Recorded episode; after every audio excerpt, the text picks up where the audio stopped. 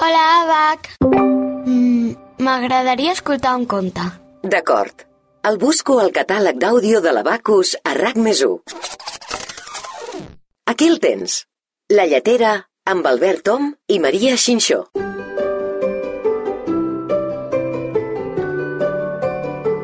Hi havia una vegada una senyora lletera que ben contenta i alegre va decidir anar a vendre al mercat tota la llet que havia aconseguit aquell dia de les seves vaques.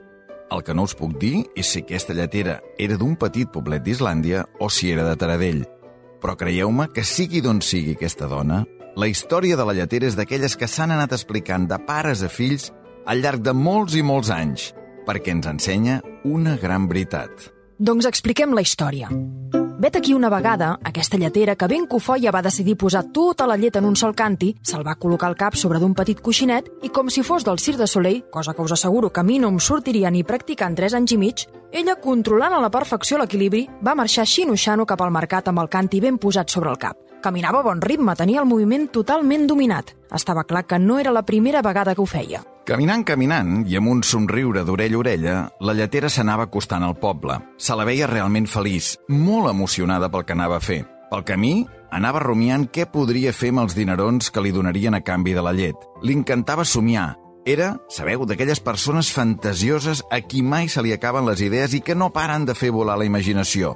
Una somiadora professional.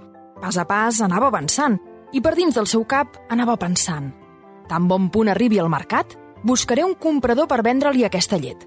La vendré molt i molt bé i en trauré un bon feix de diners. És una llet fresca i bona que em permetrà comprar una altra cosa millor. Amb els diners que entregui, mm, em compraré... Sí, sí, un cistell ple d'ous. I just en aquell moment va passar per allà la mare gallina acompanyada de tots els seus fills pollets. Bon dia, senyora lletera. On vas tan contenta i alegre?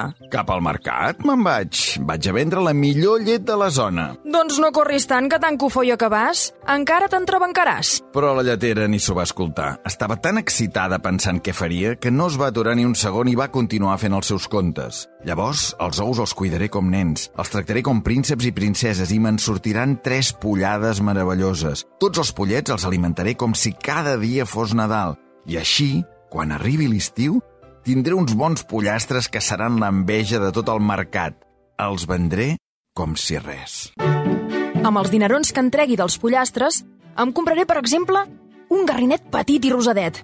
Ui, com l'alimentaré amb bons glans i castanyes. L'engreixaré molt, moltíssim, serà esplendorós. Arrossegarà la panxona per terra i quan el porti a vendre tothom el voldrà. Em plouran les ofertes i en trauré un bon pic. Just en aquell moment, la lletera travessava un camp ple de garrinets, que també l'avisaven que corria massa. Posa el fre, lletera, que ens fa patir aquest canti, li van dir tots de cop. Però ella continuava el seu camí cap al mercat com si res. Tenia tantes idees que semblava que no sentís res del que li deien els seus amics. Ui, quin bon negoci que faré. Quan em vengui el garrí, em compraré una vaca. Sí, sí, una vaca amb el seu badallet. I els tindré tots dos passejant plàcidament pel camp del costat de casa. Els mimaré i viuran tranquils i feliços com ningú. Ja me'ls veig per allà fent saltirons. I de sobte, en aquell precís instant, en dir això, la lletera també va fer un petit salt d'alegria, sense adonar-se'n, totalment inconscient.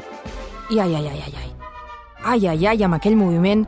Ui, el canti que s'inclina. Ai, ai, ai, ai, ai. Patapam! Li va caure a terra, es va trencar trossos i va perdre tota la llet. Adeu vaca i vedell, adeu garrí, adeu pollets i adeu llet. Totes les seves il·lusions es van esfumar en un tres i no res. Si no hi havia llet, ja no hi hauria res del que s'havia imaginat. Res de res. La trencadissa va alterar la calma de totes les vaques que estaven pasturant a la vora. No es podien creure el que veien als seus ulls. El soroll també havia arribat als garrinets i a la mare gallina. Tots i totes es van acostar corrents a veure què havia passat. La lletera, tota moixa, estava agenollada al mig del camí, mirant amb ulls plorosos com la seva fortuna se n'havia anat a Norris amb aquell cantis micolat a trossos i la llet escampada per terra. Pobra lletera, tan contenta que anava, van dir les vaques. Ja li havíem dit que no corres tant, es repetien els garrinets els uns als altres. Per què no ens ha fet cas? Anava massa distreta i no ens ha escoltat, mare, li deia un pollet a la mare gallina. Ara ja no té res per vendre. Ho ha perdut tot, pobrissona. Deien tots fluixet perquè la lletera no el sentís. Però la lletera no tenia res a amagar. Sabia perfectament què li havia passat. Ho tenia claríssim. S'havia distret imaginant-se el que volia aconseguir i fent cabòries de tot el que podria haver comprat. Estava més dins de la seva imaginació que no pas pendent del moviment dels seus peus. I sense adonar-se'n, s'havia quedat sense llet i sense somnis. I aquesta és la història de la pobra lletera, que per ser massa fantasiosa i anar a la seva sense escoltar els altres, va perdre totes les seves il·lusions, de tenir-ho tot a no tenir res. I així va aprendre que cal escoltar els consells, no anar distret i tenir sempre els peus a terra.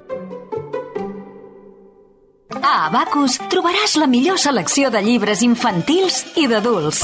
Jocs de taula, joguines i tecnologia. Un univers de manualitats i articles de papereria. Idees i propostes apassionants per gaudir en família. Abacus ho té tot. Vine a la teva botiga Abacus o visita la nostra web abacus.coop.